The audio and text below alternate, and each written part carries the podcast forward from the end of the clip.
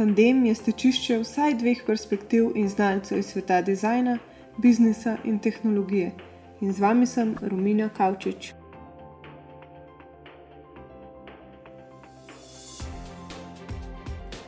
Zamenjali smo dobro, resnično in lepo za efektivno, luksuzno in intenzivno. Smo moderni, smo napredni, vendar smo tudi izgubljeni. Dovolj ne obstaja več v našem besednem zakladu. Z izgorelostjo se sooča vse več ljudi, ker niso kos pritiskom dela, ne znajo vzpostaviti mej med zasebnostjo in službo, med aktivnostjo in počitkom, tekmovalnostjo in učenjem. Je izgorelost posledica družbenih norm ali previsokih pričakovanj oziroma zahtev delodajalca? Kaj lahko naredimo preventivno? O sodobnih pasteh sem se pogovarjala z dr. Dominiko Švarc-Pipan in Majo Golob.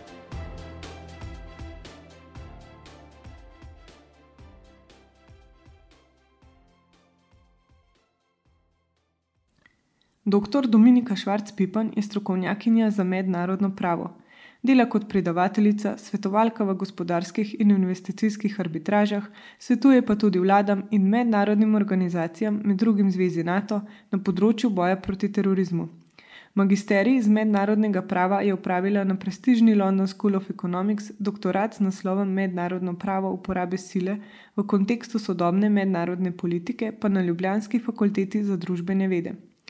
V svoji pravni karieri je med drugim delala na pritožbenem oddelku Mednarodnega kazenskega sodišča za nekdanjo Jugoslavijo in na meddržavnem sodišču v Hagu.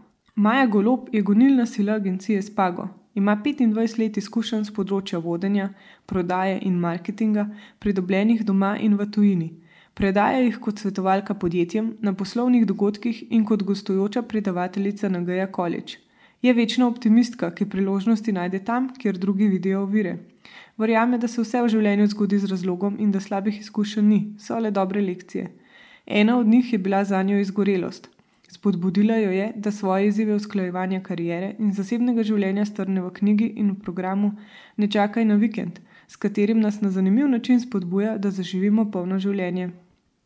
Za začetek je najbolj, da v bistvu vsaka od vaju pove na kratko malo vajeni zgodbi, kaj delate oziroma kako ste se soočili z izgorelostjo, oziroma kako ste začeli skrbeti zase? Um, ja, zdaj, moja zgodba je v bistvu uh, na nek način zelo kompleksna in dolga, kot so večinoma vse zgodbe o izgorelosti, se mi zdi. Po drugi strani je pa malo drugačno od številnih zgodb, ki zdaj poslušamo, ker mislim, da jaz nisem prišla še, mislim, nisem padla tako globoko, ne, uh mhm. -huh. da bi šlo za neko to pravo uh, zadnjo stopno izgorelosti in tu sem imela veliko srečo. Ne, v bistvu, um, mislim, zdaj, ko gledam nazaj, ne, da me je to lovilo že kakšnih 6-7 let. Ne, uh, uh -huh. Jaz sem v bistvu zadnjih 15-20 let dejansko delala na polno, ne, od študija um, vse do doktorata, potem delo v tujini, um, delo res neverjetne ure, pa hkrati tudi vse ostalo v življenju ne, uh, je bilo na polno, 200%. Se pravi od športa do zabave, do druženja s prijatelji. Uh, mislim, da si zdaj, ko gledam nazaj, pravzaprav v teh letih ni, nikoli nisem resnično vzela nekega časa, ne bom rekla zase, ne? ker tudi vse to, sem, kar sem počela, se mi je zdelo, da delam zase. Uh, ampak nikoli si nisem vzela tistega časa za lenarjenje. Ne? Delati nič, eh, mogoče samo sprehajati se in misliti na nič. Ne? Eh, in eh, mislim, da znaki so se v bistvu že pred leti, kakšnimi šestimi, sedmimi leti, kazali v obliki raznih telesnih težav, zdravstvenih. Ne? Ampak to so take težave, ki jih potem človek nekako prebrodi, spregleda in še naprej v bistvu na isti način nadaljuje, vsaj pri meni je bilo tako. No? Potem pa me je v bistvu vse skupaj vse nekako ujelo, ne? vsa ta leta pretiravanja in, in garanja so me pa nekako jela uh, letos pomladi, uh, v pripravah na poroko, ki je tudi samo po sebi stresen dogodek, sploh ženske, ki ga načrtujemo uh, na polno in vse podrobnosti. In uh, v bistvu glavno upozorilo, ki mi je nekako pokazalo, da je nekaj več narobe kot samo neke občasne telesne težave, so bili panični napadi pri meni. Um, in tudi sedaj, ko gledam nazaj, se mi zdi to eno veliko darilo. Ker sicer v bistvu sem še vedno potrebovala kakšne tri mesece, ne, da sem gotovila, da so ti panični napadi pravzaprav zgolj alarm za to, da se v mojem telesu dogaja nekaj veliko obširnejšega, hujšega na nek način. Še vedno sem mislila, da so tu težave, ki izvirajo iz hrbtenice, iz zategnenih mišic, iz utrujenosti kot takšne. Potem pa sem v enem trenutku pač ugotovila, da, da je pravzaprav obratno, ne, da, pač pani, da so panični napadi posledica tega, da pač nisem upoštevala tistih znakov prej. Ne. Uh, in mm. potem sem se začela nekje konec poletja bolj resno in sistematično boriti s tem, no, ampak lahko potem mogoče še kaj več o teh mm -hmm. podrobnostih tega, da še Maja malo pove. Se kle, mislim, da imamo zdaj kar dosti podobno zgodbo. Ja, tudi jaz sem v bistvu poslu 25 let, od tega 10 let sem bila v eni multinacionalki. V bistvu sem imela priložnost, da sem začela, ko se je dejansko začela zgodba odvijati in odšla potem, ko je ta, to podjetje delovalo v 11 državah. Jaz sem takrat kot direktorica marketinga odgovorna za teh 11 trgov in vse blagovne znamke. In stara sem 30 let in spoznala sem moškega svojega življenja. In ta življenjski slog, recimo, ki me je zelo privlačil in ki je imel polno čarov, ta vsa potovanja in polno novega in polno adrenalina eh, mi kar naenkrat ni več odgovarjal. Ne? In um, hkrati sem pa imela željo, da bi tudi poskusila nekaj novega, da bi v bistvu to znanje, ki sem ga pridobila, da bi ga prenesla mogoče še na koga drugega. Um, in tako sva ustanovila svoje podjetje. In pokazalo se je, da ta ideja o svojem podjetju res ni bila slaba, ker to znanje, ki smo ga takrat imeli, je bilo na trgu zelo uh, iskano in tako je podjetje zelo hitro raslo. Um, in tukaj so bili novi naročniki, bili so novi izzivi, bili so novi sodelavci, vedno več uh, teh izzivov, vedno več sodelavcev. In uh, v bistvu jaz sem spet živela za službo in spet sem živela za delo. Um, in tukaj potem so se začeli izzivi, ko sem pa še postala mama. Tukaj je bila pa še kar naenkrat, na, se je podprla ena fronta več. Ki je pa nisem več obvladovala. In um, v bistvu, če, če, sem bila, če sem prej svoj čas in vso svojo energijo posvečala delu, potem zdaj kar naenkrat se pa tukaj še najprej eh, hčerka, potem še sin, ki sta spet zahtevala svojo pozornost. In v eni točki v bistvu sem se jaz počutila dejansko ujeto vsem tem, in um, zdelo se mi je, da je kar vse na meni, da se kar vse kopiči, da se kar vse. Eh, da me vse tlači, nisem videla več, nisem videla več izhoda ven. Preveč je bilo, vseh, eh, eh, preveč je bilo tega, bomo rekla, uspeha.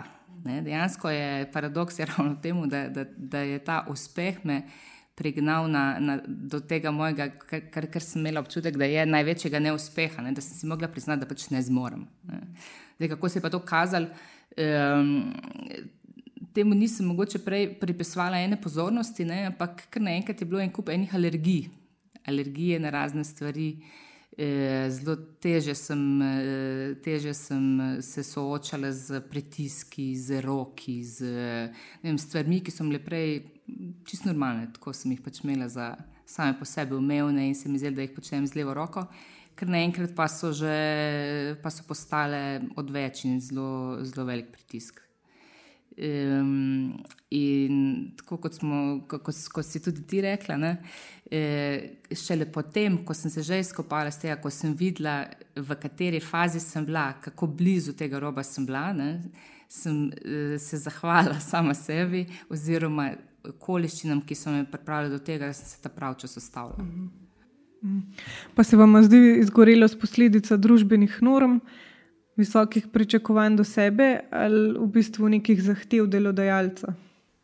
Meni se zdi, da v bistvu na to vprašanje ni nekega enostavnega odgovora, to je zelo kompleksna zgodba. Um, gotovo ne? na nek način družba se spremenja in sistem v tem smislu, da vsi vedno bolj hitimo. Uh, delovne obveznosti se mi zdi, da so vedno večje, ne sploh tudi zaradi te vse večje povezanosti, globalizacije, o, načinu komuniciranja, ne, ki so danes tako hitri, vse čas moramo biti na voljo, o, tudi delodajalci to pričakujejo ponavadi. Um, po drugi strani, mislim, da tudi velik pritisk pravzaprav ustvarjamo eden na drugega. Ne, ravno, v zvezi s tem, kar je Maja omenila, to so ti uspehi. Ne. Od vseh se pričakuje vedno neki uspehi in v bistvu se začnemo identificirati s temi uspehi, vse čas se ženemo k nekim novim izzivom. Najhujše se mi zdi, da je za tiste, ki na nek način delamo vse z levo roko, ne, ker sploh ne opazimo, da se predajamo družbi, da puščamo, da nas sistem na nek način izkorišča. Ampak mislim, da pa je hkrati zelo veliko odvisno od vsakega posameznika. Ne. Jaz imam kar nekaj znancev, prijateljev, poznam, ki delujejo v tem istem, seveda, sistemu, ravno tako deluje, delajo ogromno, ampak imajo posebno drug pristop. Ne. Ne identificirajo se z uspehom ali neuspehom, z dosežki v službi in tako naprej. Ko so utrujeni, si vzamejo čas zase. Ne. Imajo bolj, ne, nekako bolj flegmatičen pristop, v smislu, da se pač ne ukvarjajo o, s tem, ne. ni jim delo samo sebi namen, ne predajo se delu v celoti, ampak je delo pač ena od, bom rekla, en, eden od elementov življenja, ki ga pač imajo v svojem življenju. Mislim, da pa mi, ki smo izgoreli, um, vsaj potem, koliko se pogovarjam z drugimi, s podobnimi izkušnjami, imamo večinoma zelo podobno osebnostno strukturo in mislim, da ta osebnostna struktura je izjemno ključen element v teh zgodbah. Eh, to je ta, ne, da se pač ženimo, da smo na nek način perfekcionisti, da smo izjemno ambiciozni, tudi če se to komu mogoče ne pozna ali pa sam tega ne dojema kot neko ambicioznost. Ne. Uh mhm. -huh. Jaz, recimo, osebno se mi nikoli ni zdelo, da sem ambiciozna v tem smislu, ampak dejansko mi je bilo užitek odkrivati nove reči, se učiti nove reči, nove izzive sprejemati. Vse se mi je zdelo lahkotno, enostavno. Ampak telo si zapomni. Ne? Tako da mislim, da je odvisno, se pravi, tako od družbe, ne od sistema samega, ki je naporen uh, in pričakuje ogromno preveč, hkrati pa tudi od te osebnostne strukture. Ne? Seveda pa verjetno tukaj prispevajo potem tudi razni telesni dejavniki, gotovo, ne? nekateri imajo močnejšo, drugi šipkejšo strukturo kot takšno, ne? genetsko pogojeno in tako naprej. Uh, skratka, gre za en preplet teh okoliščin, po moje. Ja, se strinjam tle, ne, z Dominikom. V bistvu, ja, družba, ker postavlja visoka merila, bi rekel temu, ali pa zahteve pred nas. Ne, e, in hočeš nočeš, pa, pač padeš v ta, v ta tok. E, zdaj, z vidika delodajalca, ja, delodajalci zagotovo imajo svoje zahteve. Ne, in e, kar pa v mojem primeru, konkretno, jaz sem bil sama sebi bila delodajalec. Ne, In pri meni se je tukaj eh, ta začaran krok začel eh, eh, z vidika delodajalca, v tem, ker sem pač imela v glavi eno sliko, da podjetje mora rasti, da podjetje se mora razvijati. In to je nekako sovpadalo tudi s tem, s, s to mojo ne, radovednostjo na eni strani, na drugi, drugi strani, če imaš ti rad svoje delo, ne, če uživaš v svojem delu, potem vse čas nekaj raziskuješ, potem se, si želiš imeti novih izzivov. Ne. Um, in ja, osebnostna struktura, ne, to je pa potem, eh, tukaj pa mislim, da se potem pa, eh, da, da bi verjetno prišli pa kar na, na skupni imenovalec, ne, eh, kaj so tisti, um, kaj nas žene, kaj se v nas dogaja, ne, zakaj potrebujemo to. Um, to ne, dokazovanje ali pa, ali pa ta potrjevanje, ja, perfekcionizem. Ne. Nekje sem prebrala, da v bistvu perfekcionizem ni nič drugega kot strah pred kritiko. Če potem začnemo tukaj, eh, če bi začeli kopati po sebi, verjetno bi prišli nazaj do kakšne situacije v otroštvu, ko je nekdo nam izrekel neko kritiko in, in je to nas zaznamovalo. Ne? Je strah pred zavrnitvijo. Je strah pred zavrnitvijo, mm. ja, tudi verjetno. Ne? Ja, tisto, jaz bi dodala tukaj na tisto, kar se meni vedno zdelo zanimivo, je to, da če pogleda človek nazaj v otroštvo, ne, spet vsak ima popolnoma svojo zgodbo, svoje izkušnje. Um, ni vedno situacija takšna, da pogledaš nazaj in si rečeš, tukaj so neki očitni dejavniki v otroštvu mhm. bili. Ne? Nekdo nas je silil, nekdo nas je vse čas kritiziral. kritiziral. Jaz, da nimo, sem živela v družini, kjer sta me starša vedno polno podpirala. Nikoli me nisem nič silila. Uh, in za me je bilo izjemno težko pogledati nazaj in reči, kje bi tu lahko bili v zgodnem otroštvu neki dejavniki. Ne? Imela sem idealno okolje za razvoj in to svobodni razvoj. Ne? Ampak v resnici, če pomislim, je potrebno razumeti to, to ne, da otrok marsikaj interpretira drugače, kot je izrečeno. Ne. Vidi kritiko tudi, kjer je ni včasih, ne. spet je to odvisno od posameznika. A, tako da za nekatere. Marsikoga, ki se s tem sooča z izgorelostjo in potem mora gledati nazaj, je izjemno težko odkriti, kje so pravzaprav tisti vzroki. Ja, pa če sta starša vzor, sta v naših očeh v bistvu popolna in se spet ženemo, da bomo še mi takšni. To mislim, da je spet, ne, mislim, da ko, ko govorimo o izgorelosti, ne, v kateri koli stopni, se mi zdi, da ne moremo niti enega pravila ali nekega. Najdemo nekatere vzorce, ki se ponavljajo, ampak mislim, da je res pri vsakomur popolnoma drugače. In ja, nekateri mogoče so imeli v otroštvu starši, ki so bili vzor in morajo nekako, uh, jih morajo dohajati, se, se skušajo njim približati. Uh, nekateri ne, spet v mojem primeru ni bilo tako, ne vem, kako je bilo z Majo. Ne. Moja starša nikoli nista, bila, nista skušala prikazati neke slike popolnosti. Uh, tako da spet ne, je bilo težko videti, zakaj. Mislim, pri meni osebno mislim, da je bilo ogromno odvisno pač od mene same, od tega, da sem nekatere komentarje sprejemala kot kritike, tudi ko niso bile. In to na način, ki se ga nisem zavedala. Meni se nikoli ni zdelo, pač, če bi zavestno pomislil, da me kdo kritizira. Šele ko gledaš nazaj, vidiš. V katerih trenutkih te mogoče kakšen komentar zbodel kot otroka. Ponovadi so ti spomini močno prisotni in človek to opazi, če res brska. Ne? Spomni se nekih trenutkov. In sedaj, ko gleda nazaj, vidi, da niso, bili, niso bile kritike, on, ni bilo nič negativnega, pravzaprav v kakšni koli situaciji, vendar kot otrok si pa mogoče to na tak način videl. Ampak vseeno so neki skupni znaki izgorelosti, oziroma če pogledamo, kaj se nam dogaja, nam je lahko hitro jasno, da pač naše telo ne uživa v situacijah, kako jih lahko prepoznamo. Ja, ne, sam, eh, jaz bi se mogoče samo še na to navezala, kar je rekla Dominika, ne, in eh, to otroštvo in starši. Ne.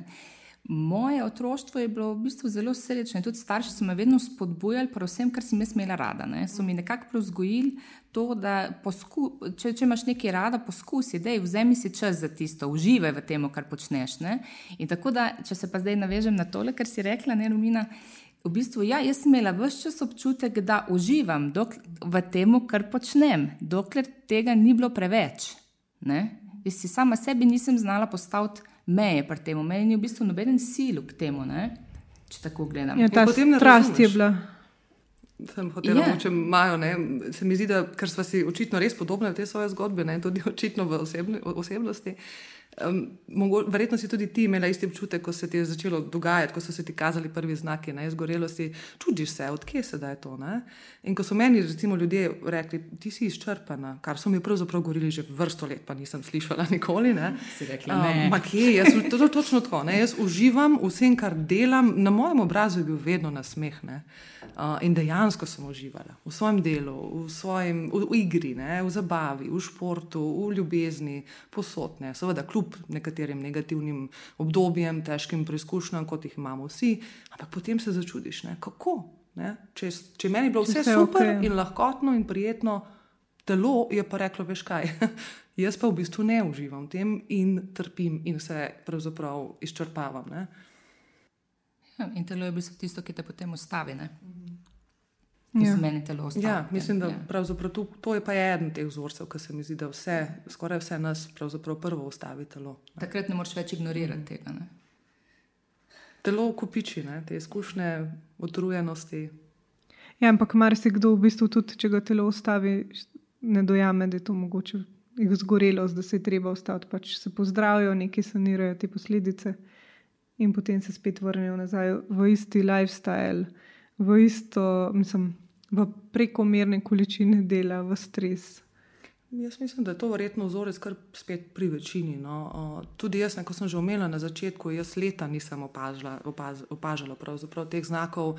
Imela sem kronične težave z ledvicami in podobne stvari, pa vendarle, če to prideš, Ne, tudi ko so me že pošiljali na biopsije, in tako naprej, iz katerih seveda ni prišel na srečo noben uh, hud rezultat, ne, in sem te stvari prebrodila. Potem sem pa točno to, kar si rekla, Romina, ne, šla z isto polno paro naprej, sedaj sem spet v redu, gremo dalje.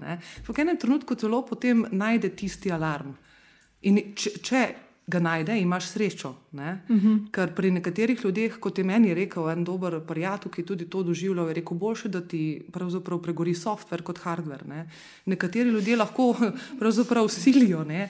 in, in pravzaprav terajo na ta način naprej. Dokler jih ne ustavi neka res huda bolezen, rak, tumor, kaj podobnega, ne? srčna kap, infarkt in tako naprej.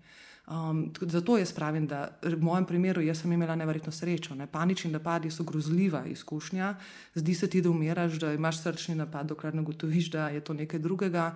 Uh, ampak ko gledam nazaj, je to očitno bil edini alarm, ki sem ga jaz bila pripravljena slišati, kaj ti ne imeti svoje nekako psihe ali pa obnašanje pod kontrolo. Ne, to je za me tisto, kar uh, me je edino prebudilo. Ne. Ne opaziš tega, se mi zdi zelo dolgo časa. Ne. Ampak, če se pa potem ne ustaviš, pa verjetno res siliš v brezno. Ne. Tukaj je še eno ne, način, kako, uh, kako v naši družbi se lotevamo sanacije tega stanja. Uh -huh. V mhm. bistvu ti greš uh, k zdravniku z nekim problemom in tam ti lajšajo simptome, ne glede na to, kaj je. Ja, sej, celostno je. Celos, ja, ne pogledajo pa pač. Celostno problem, se ne poglobijo v vzroke. Ne? In tako v bistvu, tudi če ti sanirajo problem, je to lahko samo začasno. Potem ti greš nazaj v ta svoj ritem, v ta, ta svoj Eh, modus operandi, in seveda, slejko prej prideš nazaj na isto. Um, zato, um, recimo, o tem, koliko si ti pripravljen, pa kdaj si pripravljen, mogoče na spremembo. Ne? E, mene je mogoče tukaj rešilo to, da sem usporedno začela raziskovati te različne alternativne metode zdravljenja. Ne? In da sem videla, da um, se da tudi na drugačen način nekatere stvari rešiti. Ne? In s tem, ko sem jih raziskovala, sem tudi raziskovala sebe in se v bistvu tudi poglabljala vase. Ne? In mogoče prihajala do nekih odgovorov na vprašanja, ki v bistvu sploh nisem pričakovala, da se bodo odprla. Ampak mhm. so mi pomagala pri tem, da eh, se je ta začaran krok ustavil, počasnil oziroma ustavil. Ne. V enem momentu celo sem tako deleč, da sem razmišljal o tem, ali nadaljevati to poslovno pot, ali v bistvu se posvetiti alternativnim metodam zdravljenja, ne, ker se mi zdelo pač bolj humano, bolj sem videla eno poslanstvo, mhm. globje od tega, kar, poč, kar sem počela prej. Ne. To se potem sicer ni zgodilo, ne? nekako sem združ, poskušala oboje združiti, ampak um, hočem reči, to so dileme, ki se dogajajo. Uh -huh. ja, jaz sem bila pred podobno dilemo. Ne? V tem času, ko sem ukrevala, nisem bila ja. še, se mi zdi, pripravljena nekako spet uh, na polno delati, čeprav na polno sedaj pomeni nekaj čisto drugega, kot je predtem. Uh -huh. uh, ampak tudi jaz ne sem razmišljala o tem, da bi mogoče šla poučevati jogo. Uh, jaz sem se z jogo pravzaprav ukvarjala že dolga leta, ne? kar mislim, da me na nek način dolgo časa tudi držalo nad površjem, verjetno bi mhm. -huh. sicer padla že prej. Um, razmišljala sem te smeri, ne? da pustimo vse svoje dosedanje izkušnje, znanje in grem nekaj posebno drugega, da pomagam drugim tudi na tej poti z izkušnjami, ki jih imaš. Ne? Pa tudi jaz nekako se potem nisem odločila in sedaj bolj bom rekla privatno, ne? seveda se s tem še ukvarjam, pogovarjam se z ljudmi, rada dam na svete. Uh, ampak sem našla tudi pot in tudi znova neko novo veselje v svojem delu, tistem istem, ki sem, sem ga imela prej. Ne? Samo dojemam ga sedaj zelo drugače. Ne? ne identificiram se s tem delom več na tak način kot prej. Ga upravljam z veseljem, ampak tisto, kar se mi zdi nujno, je, da se naučiš potem postaviti neko mejo. Ne? Ja, v bistvu se moramo naučiti um, umiriti, ker doskrat nastaja občutek, oziroma da nekaj zamujamo, nas drive naprej. Ja, ta občutek je, mislim, da nekaj, kar smo se enostavno priučili. Ne, ne znamo biti primerov. Kot sem že prej omenila, je to, ne, da eno je, da si vzameš čas zase, ampak spet nekaj počneš. Drugo je pa, da se dejansko znaš usesti v park ali pa doma na kavč in početi nič. Početi nič za nas, ki smo navajeni goniti, ne res polno mm. paro, je najbolj nevreten občutek. In, ampak, ko te telo prisili, ko ti padeš, ko si v tisti akutni fazi izgorevanja, v kateri koli fazi že si, ne, uh, enostavno ne moreš. In to, ko si rekla ti, Maja, ne, da si to v tistem trenutku doživljala kot neuspeh. Jaz sem bila tako razočarana sama nad sabo, ko, potem, ko sem leta in leta bila strastna športnica, ne, ko tek pod 10 km ni prišel poštev, kam kaj šele hoja, uh, ko je bilo res vse čas potrebno, ne, vse na polno. In potem sem naenkrat sedela doma in se dobesedno nisem mogla dvigniti iz kavča toliko, da bi si kaj prebrala, niti knjig nisem mogla mm. brati. Mislim, da je pri meni vse kakšen mesec, dva, dejansko bi, večino časa sem preživela v sedenju na kavču in dobesedno gledanju v zrak. Ne? In to je bilo za me tako razočaranje nad samo sabo. Ko sem spet poskušala začeti z jogo se ukvarjati, ki mi je bila vedno blizu in seveda tudi jogo sem v tistih časih ne, delala na polno, vroča joga, uh, bikram, uh, tako spet atletsko. Ne. In sedaj sem se komaj uspela prikloniti na pol. Ne? Nisem bila več gibčna, nisem imela več moči, jogo sem delala pet minut, zelo počasi in sem bila jezna na sebe. Šele s časom potem, ko res raziskuješ, ko se trudiš iz tega priti ven, ko spoznavaš, v čem je bil problem. Šele potem sem tudi jaz začela uživati v tem, da vse delam počasneje, da sedaj tudi jogo dojemam drugače, sedaj je hoja po Tivoli za me nekaj najbolj čudovitega, brez glasbe v šestih, počasnem ja. ritmu, ne? samo opozovanje narave. To se mi je prej zdelo nemogoče. Ne? Brez veze. Brez veze, ja. Ja, da ne boš kaj zamudil. Ne? Jaz se spomnim, recimo, tudi kadar smo šli na sprehod z otroci. Ne? Jaz sem vedno kaj razmišljala o glavi. Sem v bistvu izkoristila tisti sprehod za kakšne razmisleke o kakšnem projektu. Ne? Si bila nekje druge. Ja, sem bila v glavi nekje druge, ne? pa sem se igrala z otroci, sem bila v glavi nekje druge. V bistvu je šlo, je šlo vse mimo mene, če zdaj potuhtam. Mm. Kako dejansko to, da se ti da se ti upočasniš, ne samo v načinu delovanja, ampak tudi v glavi, da se upočasniš, da, da res si prisoten. Zdaj, tu in zdaj, da si tam, kjer si. Ne? Da ne vem, greš po, kako praviš, ne greš po Tivoliju in vidiš, kako ne vem, pade list z drevesa. Ne? In uživaš kako, v pogledu, kako počasi pada. Ne? Pa ne vem, kako pač ena in sončen žarek gre skozi okno tam nekem, pod nekim ne vem kakšnim kotom. Ne? ja, se upočasniti, v sebi biti prisoten. Tu, ja, zdaj. Čuječnost. Čuječnost ja. Ampak nas vodi tekmovalnost, da hočemo vse delati, recimo v službi, popolno, v družini, vse je top, um, čez vikende moramo biti aktivni, ni dosti samo, da imamo smočke, ampak moramo imeti tudi boljše rezultate. Vem, v fitnesu moramo imeti dok mišic, radiatorčke, zdi tako slikajo, vse objavljajo na spletu pač je nek dokaz v družbi, ampak no, nihče se pa ne ukvarja s sabo, pač kaj njemu pomemben.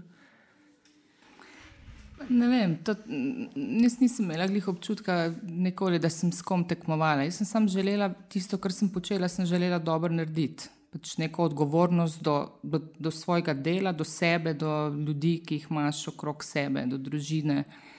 Um, tako da ne, jaz ne bi te tekmovalnosti tukaj, pač v mojem primeru, mm. ne bi rekel, da, uh, da bi to bil nek išil za me. Meni se zdi, da včasih mogoče je to, ne bom rekla temu tekmovanje s samim sabo, ne, ampak tekmovanje s svojim egom na nek način. Ne. Um, tisto, kar spoznaš, ko greš skozi to izkušnjo, tako kot drugi, ne, ki grejo skozi druge neke hude bolezni ali pa kakršne koli težave, ki pač zahtevajo nek svoj rehabilitacijski čas, ali čustvene, družinske, izgube v družini in tako naprej. Ugotov, lahko ugotoviš, če si pozoren, da potem, ko živiš popolnoma drugače od prej, da ni, pravzaprav nisi nič manj vreden, nič manj te ni, nič manj pomemben. In če imaš to srečo, da imaš okoli sebe tudi pravi ljudi, vidiš, da tudi njim nisi nič manj pomemben, pomemben ali vreden. Um, se pravi, potem ugotoviš, da vse čas te na nek način gnal ta tvoj ego, neka identiteta z nekimi cilji, kakorkoli smo, odkjerkoli že izvirajo, ker spet izvirajo. Pri vsakem iz nekega drugega razloga, ne. um, nekateri tekmujejo z drugimi, gotovo, tisto, kar je meni zanimivo, da večina ljudi, ne, ki sem jih jaz poznala, eh, ki se vse borili ali se še borijo z izgorelostjo, um, pravzaprav ni bila ne samozavestnih. Ne. To so izjemno samozavestni ljudje uh, in se potem vprašaš, odkje, s kom, zakaj bi se moral, komu še dokazovati. Meni je recimo oče. Um, že v zgodnjih 20 letih, ne, še, ko sem bila še na faksu, večkrat rekel, komu se še dokazuješ? Nima se komu dokazovati. Jaz to zdaj, ko gledam nazaj, slišim tako, kot je on to mislil. Uh mhm. -huh. In tudi sedaj me strašno podpira v tem procesu, tako kot tudi mama. Ne? Potem ugotoviš, da dejansko mogoče sem vse dokazovala staršem, ampak nista ona dva to od mene pričakovala. Uh mhm. -huh. Mogoče sem vse dokazovala uh mhm. -huh. delodajalcu, družbi, prijateljem, partnerjem, ampak to je izviralo iz mene. Ne? Tako da mislim, da je res najpomembnejši prvi ta pogled vase. Ne? Pa se vam zdi, da Mislim, ja, po statistiki večinoma so izgorele ženske. In spet je tukaj razlika v tem, da mi vse stvari jemljemo ne tako flegmatično, kot moški. tako da spet je ta neka slika popolnosti. Pa ne popolnosti v tem smislu, da moramo vse narediti v piko, ampak več področje, ki jih moramo podpirati. Ja, če, zgodovinsko, če gledamo, recimo naše babice, moja babica, naprimer, ne, ona je bila, je bila doma, je bila gospodinja, je pač, ko sta bila otroka majhna, skrbela za otroke, imela mal vrta, to je bil njen svet. Ne. Danes, če pogledaš žensko, v bistvu ja, je ravno tako gospodinja, je ravno tako mama, mogoče ima tudi vrt, ima hodi tudi v službo, verjetno ima še kakšne hobije, skratka ima en kup front dodatnih še odprtih. Mm. In eh, še zmeraj ima pa dan 24 ur. Ja. In že to je izziv, kako z, z vsemi temi vlogami, ki jih vsak dan igraš, ne, pa če jih potem še na mikrovloge, mislim, še na, še na mikro, uh, fa, na prav faktorje, vsako od teh razdelimo. Vem, če si mama, potem uh, tudi moraš biti in animator, in moderator, in si stilistka, in si v bistvu kuharica, in si, mislim, imaš tukaj res. Ne, e, in vse to. Umestiti v 24 ur, to je umetnost. Ne. Moški se lažje, Tudi moški so, seveda, so očetje, pa imajo tudi moški otroke, ampak še vedno ta primarno ženski pritiče večji del vloge v, v vzgoji otrok. Ne? Moški si lažje eh, mogoče izbori dominantno pozicijo na enem področju, pa potem te ostale obrobne prepusti tudi ženski. Pre, ženska pa ti imaš službo, ma, imaš tudi vse ostalo. Ja, jaz mislim, da tukaj se je veliko spremenilo, v primerjavi s preteklostjo. Um, ampak še vedno ne, se meni zdi, jaz sicer nisem mama, še ne, to me še čaka. Uh, nekaj časa sem se bala, kako ne, ali spoh iti v materinstvo, uh, glede na to, da sem šla skozi neko izgorelost, ampak mislim, da pač sedaj se tega veselim, ker se mi zdi, da stvari dojemam drugače in sem srečna, da grem v materinstvo potem, ko sem izgorelost doživela in mislim, da kar dobro se v bistvu uh, branim temu, da bi spet padla v to brezno. Um, zdi se mi, da tista ključna razlika, mogoče to, kar si Romina omenila, na nek način gre spet za posploševanje, ampak večinoma pa se mi zdi, da je tako. Ne? Tudi pri svojem možu vidim, ker on reče, tudi mene je za njega začelo skrbeti, tudi ti ogromno delaš, imaš ogromno drugih aktivnosti. Ampak on vedno reče, ampak jaz nisem tak kot ti. Ne? Ker je bolj flegmatičen. Njemu je vseeno, glede česa mu je vseeno. Vseeno mu je glede tega, ali bo nek, na nekem področju pri neki aktivnosti najboljši, ali bo perfekten, ali bo pa enostavno samo dovolj dober. Ne? Ali pa tudi, če ne bo dovolj dober, se ne sekira toliko, kot se mi zdi, da se mhm, ženske. Ne? Mhm. In zdaj tisto, v enem od svojih nedavnih zapisov je to, se mi zdi fascinantno, res lucidno zapisal Miha Macini, ne? ki zadnje čase se tudi veliko s tem ukvarja, sploh v zvezi z ženskami in kako se pač koliko neke izgorelosti je res med ženskami, sploh v Sloveniji se mi zdi. Uh, da ni toliko problem v tem, da imamo toliko različnih vlog, ampak da želimo v vseh vlogah biti popolne. Ne? Vse vloge ne na 100%, ampak na 200%. Ne? Jaz, kot rečeno, materinske vloge še nisem izkusila, na vseh drugih področjih tisto, kar je pri meni, se mi je zdelo, da je bistveno. Je bilo to, da sem svoje lastne standarde znižala, ne? kaj je zdaj uspeh, kaj je dovolj dobro, koliko, kolikor pač zmorem. Kar sem ugotovila, in zdi se mi, da je tudi to izkušnja številnih sotrpinov v izgorelosti, je, da ko spoštiš te svoje standarde in delaš nekaj, če moram res reči, delam na pol ali še manj, jaz to delam zdaj z 20% ne, delo ali šport ali kakorkoli, še vedno, ko pogledam recimo v očeh drugih, ne, je to odlično. Tako da potem vidiš, da včasih niso standardi drugih toliko visoki, kot so tvoji lastni. Uh mhm. -huh ti, ki verjetno tudi ima, imamo velike kapacitete, ljudje, ki se pač na tak način potem preženemo do roba izgorelosti, um, dejansko lahko z manj kapacitetami dosežemo isti učinek. Ko to ugotoviš, je v bistvu v tem neka res lepota neka moč. Ne? Mm. Ja, pa vseeno počitek, seveda, pomaga tudi to, da delo pa upravimo odlično. Ker, to pa vsekakor. Če nekdo dela po 14 ur, pa vsak dan, pa tudi če samo pet dni na teden, dva dni zihar, pač mora nekako kompenzirati, oziroma spi počiva.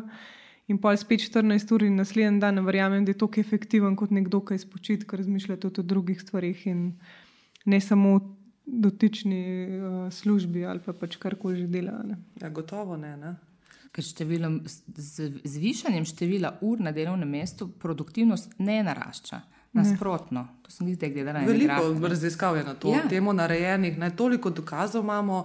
Tukaj pa je en sistemski problem. Ne. Mislim, da se tega še vedno premalo zavedamo. No. Uh, in jaz mislim, da tudi pri nas uh, je res potrebno en uh, sistemski pristop k temu zauzeti.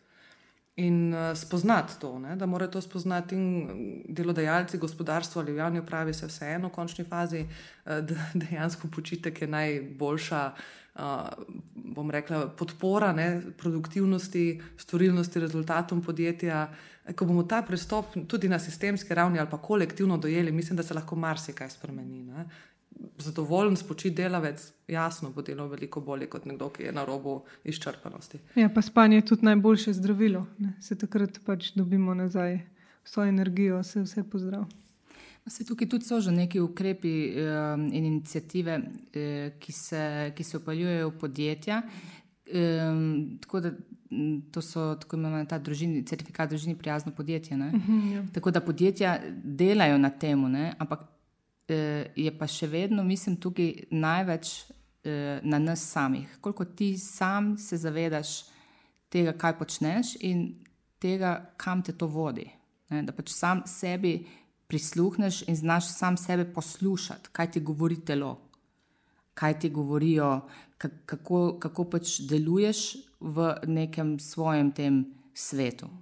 Ne? Oziroma tudi, kaj si želiš, konc koncev. Pa vsem, da znamo postaviti meje.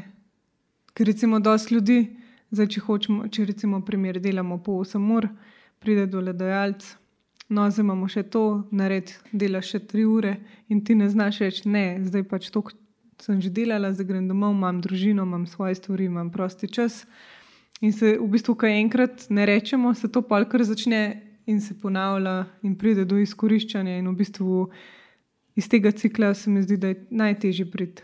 Sploh pa ljudje, če so še zraven, ne samo zavestni in se bojijo za svojo službo, mogoče niso na visokih položajih, delajo neke pač, uh, službe, ki mislijo, da itak niso nič uredni in se ne znajo postaviti zase. No. Ni tema je več. Je, to, to mislim, da je velik problem. Ne? Zdaj, jaz uh, osebno imam to srečo, ne, da ko se za nekaj odločim, se odločim. In tudi ko nisem mogla več, v bistvu sem naredila ta res. Ne. V službi, v kateri sem prej delala v tujini na um, mednarodnem kazenskem sodišču, kjer smo res delali po 16-17 ur ali več na dan. V zadnjem letu mojega dela tam sem jaz recimo, redno hodila domov ob polnoči ali še kasneje. Potem, potem morala seveda biti spet ob pol desetih, najkasneje v službi. Um, in to seveda ni moglo dolgo trajati. Ne. Uh, sem, meni se je zdel luksus, kadar sem uspela iz službe pobegniti, rečemo temu, ob devetih, recimo zvečer, in sem imela še eno uro časa, da še v fitness skočim. Mislim, to, to je ta norija. Zdaj, ali si na visokem položaju ali ne, mislim, da um, ogromno ljudi na vseh na različnih mm. položajih ne, se s tem sooča z dolgimi urami. Pri meni je pač to, takrat še nisem niti telesno tega doživela. Tu sem, hvala Bogu, um, tudi mi je že glava sama rekla, ne morem več. Um, in sem to delo potem enostavno pustila. Enostavno sem eno jutro vstala, šla v službo in dala odpoved. Uh, ampak sem vseeno že kar nekaj časa opažala. Ne? Nisem več zjutraj se mogla zbuditi fizično, nisem mogla vstati iz postelje, komaj se privleči v službo. V službo sem začela zamujati. Tam mislim, da sem polovico delovnega časa preždela strmeč v ekran in popolnoma neproduktivna. Ne? In sem tukaj videla, da je treba vse to spremeniti. Je pa dejstvo, da se mi zdi, da ogromno ljudi si enostavno ne upa. Zdaj, nekaj je na človeku samem. Uh, mislim, da v končni fazi vsak lahko reče ne. ne. To ni zgovor, jaz ne morem reči ne, ker imam te in te, imam kredite, imam otroke. Dejstvo pa je, da vse te okoliščine pomenijo dodatne obremenitve za človeka, ki je že tako ali tako izčrpan. In seveda v taki situaciji človek veliko bolj nesamozavesten, veliko, bolj, veliko prej prestrašen in ima veliko manj poguma ne, narediti nek res. Mm. Če si v situaciji, kot sem bila jaz, na nek način sem si to lahko privoščila, ker tudi sem vedela, da z mojimi znanimi izkušnjami se bom znašla, bom našla drugo delo. Tudi če nisem imela nobenega plana, ko sem dala odpoved, kaj bom, kje bom. Um, ampak veliko ljudi se pa res sooča s tem pritiskom. Ne? Mislim, da tukaj do pogosto so krivi tudi delodajalci, zdaj spet ne moramo posplošvati. Izvajo nek mobbing, nek pritisk, ne? če ne boš ti, bo pa kdo drug, cela vrsta ljudi je za tabo. Ne? In tudi to so stvari, ki pač, kjer obstajajo ti problemi, konkretno, mislim, da tudi to je potrebno sistemsko reševati, ne? nasloviti te probleme, na nek način tudi preprečiti delodajalcem, da izkoriščajo ne? delavce na tak način, da jih postavljajo pred zid. Ne? Ali boš to naredil, ali boš delal 20 ur na dan, ali pa boš odpuščen. Ne? To enostavno ni primeren uh, pritisk in mislim, da take in podobne situacije je potrebno sankcionirati tudi sistemsko ne? na državni ravni. Absolutno je. Ampak vsem, kako odkriti uh, neko idealno razmerje med delom in prostim časom? Idealnega razmerja, po mojem, ni, ne? oziroma je za vsakega drugačno. No, zase, zase, zase. drugačno. Kako poteka ta proces, da sploh pridemo do tega? Ali pa kako ste vi dve prišli? Prvo, prvo eh, jaz sem ta cel svoj proces zapisala v svoji knjigi ne? in sem jo uh mhm. -huh. tudi kot tako ponudila drugim, ravno zato, da mogoče iz te izkušnje, iz te izkušnje prepoznajo. Eh, potencijalne nevarnosti, ki na njih pretijo, oziroma dobijo morda kakšno idejo, kako se, kako se oni tega lotiti. In, um, no, naslov knjige ne čakaj na vikend. Naslov, ja, naslov knjige ne čakaj na vikend. Ja. Um, ampak kako se lotiti? No, v bistvu, prvo se moraš vprašati, kaj si želiš. Kaj si dejansko želiš? Ne eh, na splošno v življenju, kaj hočeš, kaj te izpolnjuje.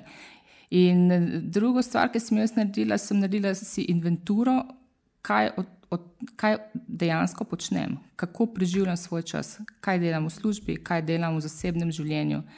In potem sem to primerjala s tistim prvim seznamom, oziroma s tistim svojim, svojo wish listo, kaj si želim. In sem videla, da tukaj je bilo zelo veliko neskladje. Ne?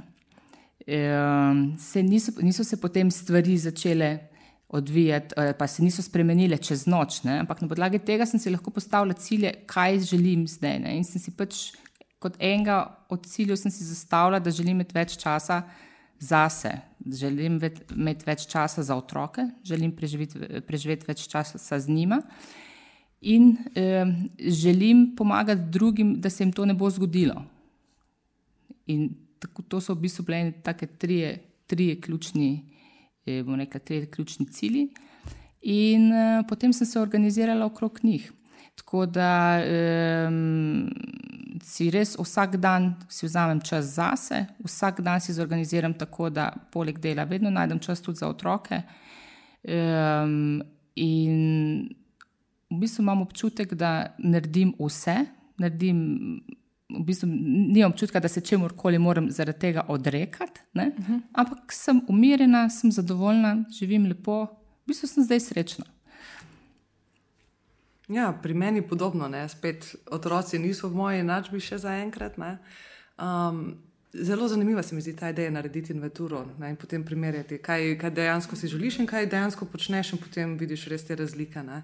Um, pri meni, recimo, sem si tudi podobno naredila, ne bom rekla inventuro, ampak nekako tudi grafično. Ne, sem si prikazala to svoje življenje kot nek krok, ne, uh, kot nek ta chart pie, uh, in sem si potem razdelila dan, ne, koliko časa na dan delam, koliko spim in koliko imam prosto. Ne. Tisto, kar sem prvo ugotovila, je bilo to, da se, ta graf, oziroma ta čar, sem se najprej naredila za sedaj, ne, za sedaj, ker že drugače živim, da vidim, če sem že izboljšala. Ne, ker prej vem, da je pravzaprav ne, spanje in ne, dom Delo. in služba. Um, pa potem kakšen fitness šport vmes, glavno, nič časa ni bilo prostega v resnici. Ne.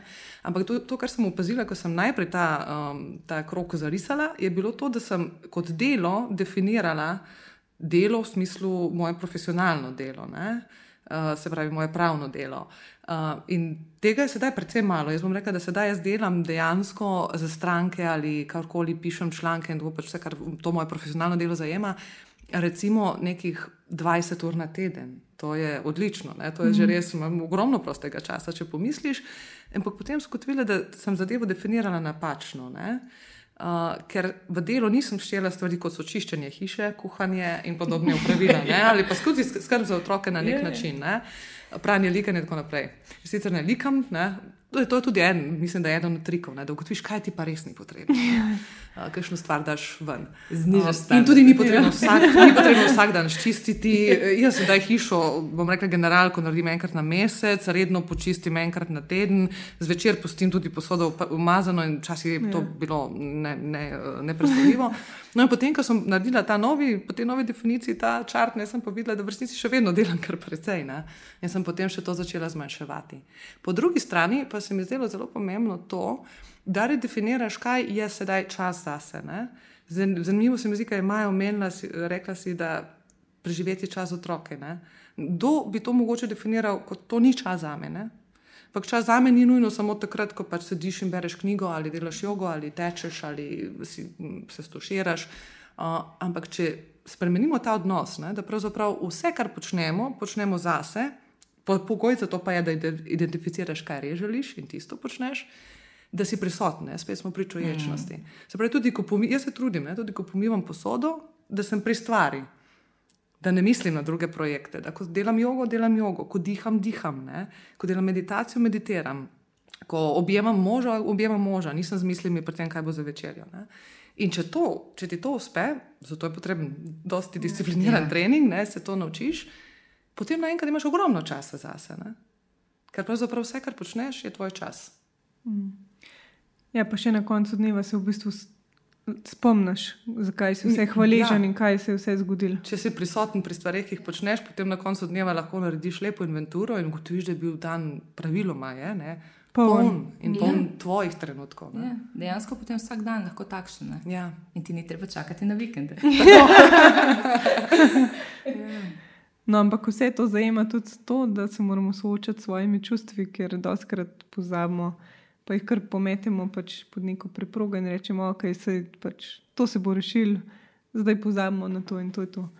A se vam zdi tudi to del, mislim, pomemben del soočanja z izgorelostjo oziroma reševanja tega? Zelo pomemben del je, da se nehaš obremenjevati s stvarmi, na katere nimaš vpliva. In da se, da kadar se glede nečesa obremenjuješ, da je to glede nečesa, kar, na kar imaš vpliv, oziroma na kar lahko spremeniš. Že tukaj ogromno teh čustev odpade, ne, negativnih. Um, in to, to je recimo en filter, ki meni zelo, zelo pomaga.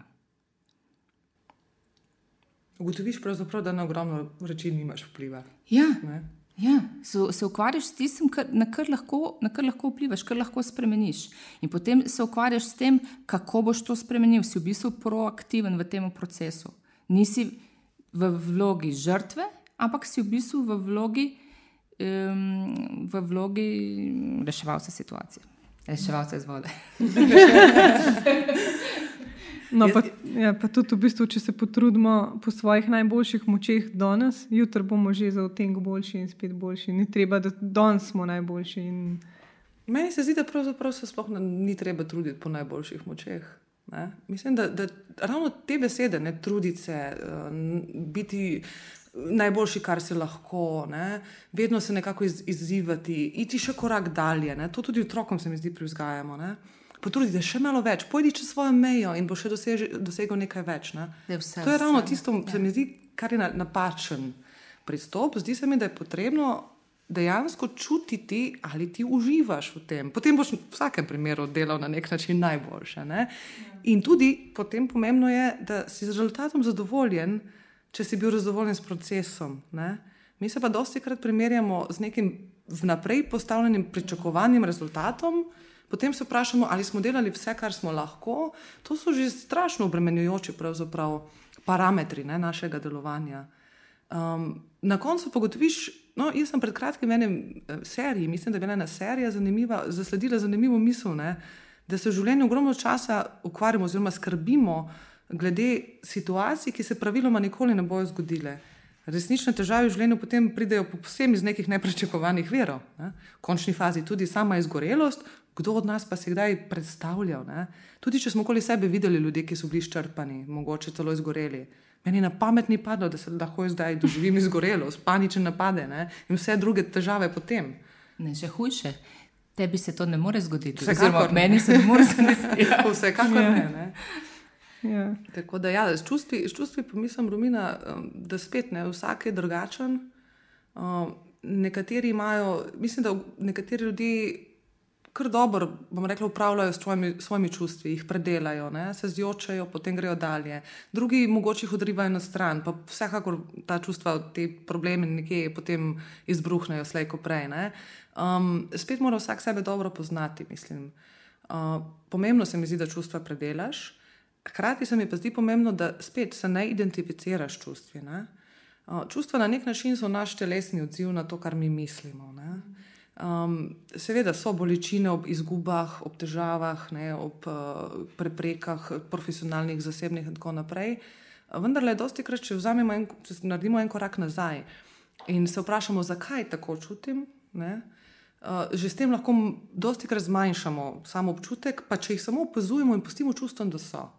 Še en, ena od težav, en pristop, ki se mi zdi, da je lahko dosti nevaren, ki ga nekako vsi poznamo, vsi ga imamo, um, je ta, da skušamo misli in čustva odgnati. Ne? Bolj ko jih odganjamo, bolj so prisotne. Zvečer ležiš postali, misli bežijo in mi se trudimo te misli odgnati, da bomo zaspali, ni šans. Ne? Um, in spet smo pri človečnosti, ker en pristop v človečnosti je ravno to, da sprejmeš tvoje misli, so čustva, so, ko jih opazuješ, dosti krat vidiš, da se njihova intenziteta zmanjša, z njimi lahko živiš. Ne? Mi se pa branimo vseh tako imenovanih negativnih čustev. Ne, ne želimo biti žalostni, ne želimo biti jezni, ampak to so čustva, ki pridejo in grejo. Mm. Je stalno sam ta sreča kar je spet pač posledica marketinga. Oziroma, spet je en pritisk. Mislimo, da če smo enkrat zmatrani, enkrat malo nesrečni, da že v bistvu se svet podira. Ja, pa, pa tudi, če pogledamo pa še moške, ne, tle zraven, ne, fa, eh, oni so pa sploh, se mi zdi, eh, tukaj še večji, v večjem zosu, ne, ker njih pa od majhnega jim že govorijo, kako fantki ne jokajo, ne, kako v bistvu morajo ta čustva jih zadrževati. Ne. Mi imamo vse en to, Eh, kanal, ja, kanal skozi katerega lahko izražamo. Ne? In se klej, ja, se strinjam, čisto s teboj. E, Sprejeti čustvo, kakršno koli je, ga, ga občutiti, ga začutiti, ozavestiti, mogoče vzrok, zakaj si tako odreagiral v nekem trenutku, in spustiti in iti naprej. Mm. Se vam zdi, da bi, bil, da bi bila ogromna razlika, če bi se človečnosti učili že v šoli, oziroma da bi jih starši aplicirali ta znanja? Sam pač spet smo pri tem, da veliko staršev nima tega znanja. Absolutno. Obstajajo tudi šole, kjer to učijo, ne pa nas ja. žal ne. Ampak ja. Mislim, da to bi bilo izjemno pomembno. In, ja, veliko vlogo imajo gotovo starši, um, ampak kot rečeno, to se v bistvu prenaša iz, iz generacije v generacijo. Se, mislim, da naša generacija sedaj se ogromno ukvarja mm. Eh, s pristopi človečnosti in podobnimi pristopi. Uh, zanimivo je, da odkrivamo toplo vodo, ne? to so tisočletja stare modrosti. Um, in uh, mogoče je res najboljše, da preizkusiš to na svoji koži, ko to vidiš, potem to prenašaš na ljudi okoli sebe, uh, posledično potem kasneje tudi na svoje otroke, če in ko jih imaš. Uh, bi, bi bilo pa super, ne, videti se mi zdi to tudi v šolskem programu. Ne. Učimo otroke vendarle ogromno enih informacij, podatkov jim dajemo, učenje na pamet, reševanje težkih problemov. In spet ni težava v tem, seveda, da otroke učimo vseh teh različnih znanj in, in uh, spretnosti, ne, od uh, naravoslovnih do družboslovnih, tehničnih in tako naprej. Ampak spet je problem v tem, da se na vsakem področju od otrok pričakuje, da bodo vedeli vse. Ne. Mislim, ja. Zdi se mi, da je količina znanja, količina informacij in standardi, ki jih postavljamo otrokom, zato da neko področje, pravzaprav vsa področja obvladajo, ta, to je popolnoma, se mi zdi, nesmiselno. Ne? Tudi sami vemo, ko pridemo iz osnovne šole, že polovico pozabimo, kar smo se naučili, v srednji šoli še več. Ne? Gotovo je potrebna neka širina področji, ampak manjša intenziteta, manjši standardi, manjše pričakovanja, ne? manjši pritiski. Vsekak, vsekakor pa se mi zdi pomembno vključiti ne, te neke tehnike umirjanja, sproščanja, poznavanja samega sebe. Mi prihajamo iz šolskega sistema oboroženi in polni informacij o svetu in drugih, o sebi vemo pa zelo, Nič. zelo malo. Mhm. Že v komunikaciji ne. V bistvu, kako sploh komunicirati, kar je osnova. Ja.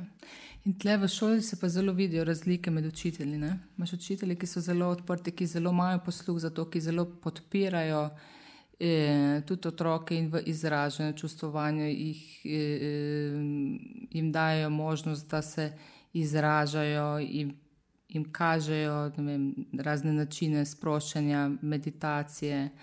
E, tudi v naši šoli imamo takšne, tako da jaz sem zelo hvaležna za te, ki so takšni. Ne? Bi bilo pa super, da bi jih bilo več. Kot starši pa mislim, da največ lahko naredimo z zgledom svojim. Ne? Da pač, mm -hmm. da otroku uh, da ga vključiš v te aktivnosti, da vidiš, da je to del življenja. Na začetku te gleda sicer malo čudno, mama, kaj pa delaš. Ne?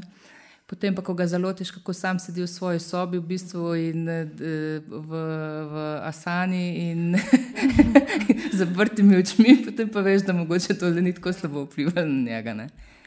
Ja. ja, v bistvu se, se tudi sami občutijo, da se boš počutil. Ne? ta feeling, ki jih pol po moje zanima. Ja, se ta radovednost jih potegne. To je izkustvo, ko to doživiš in čutiš, vidiš, da je res uh, izjemno močno orodje ne, za vsakega.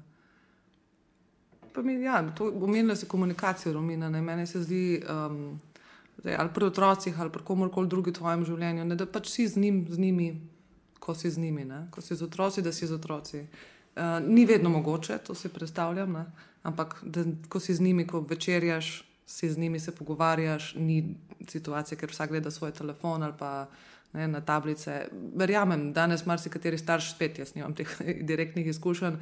Pač reče, včasih je najlažje dati mu tablico in risanko. Mm. In verjamem, ne, tudi glede na to, da je to začaran krok, starši utrujeni, potem kdo se bo z otroci ukvarjal in to se potem nedogled prenaša. Ne.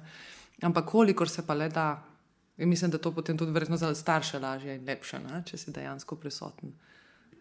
Ja, za vse je tako um, zmagovalen občutek, po mojem, na koncu.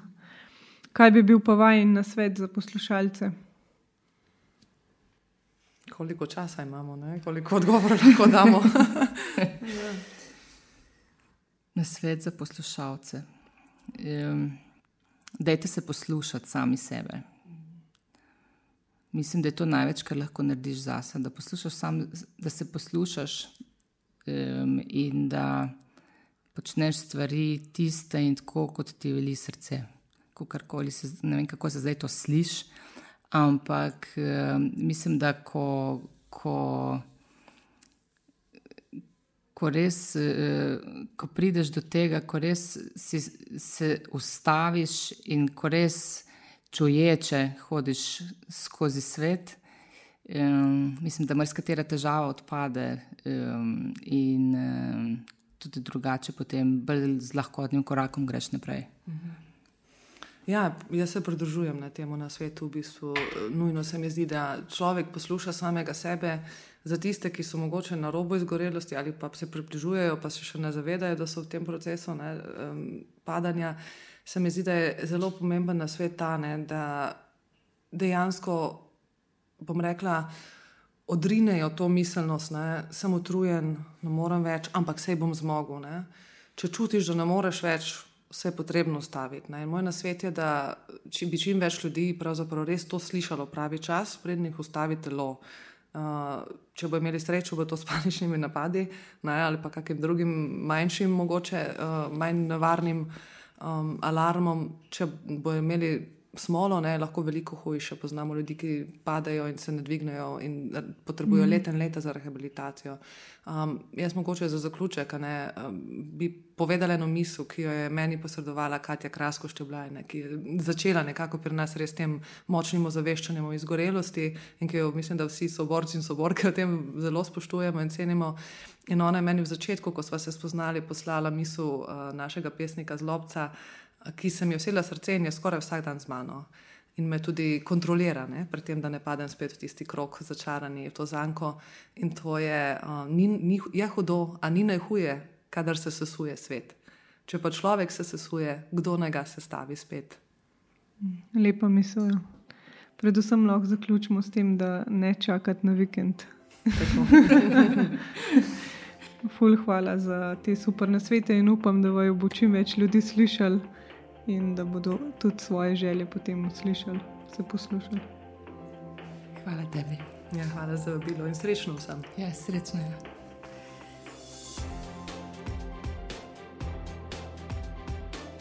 Tandem lahko spremljate na Twitterju, Instagramu in Facebooku pod Poslušaj Tandem.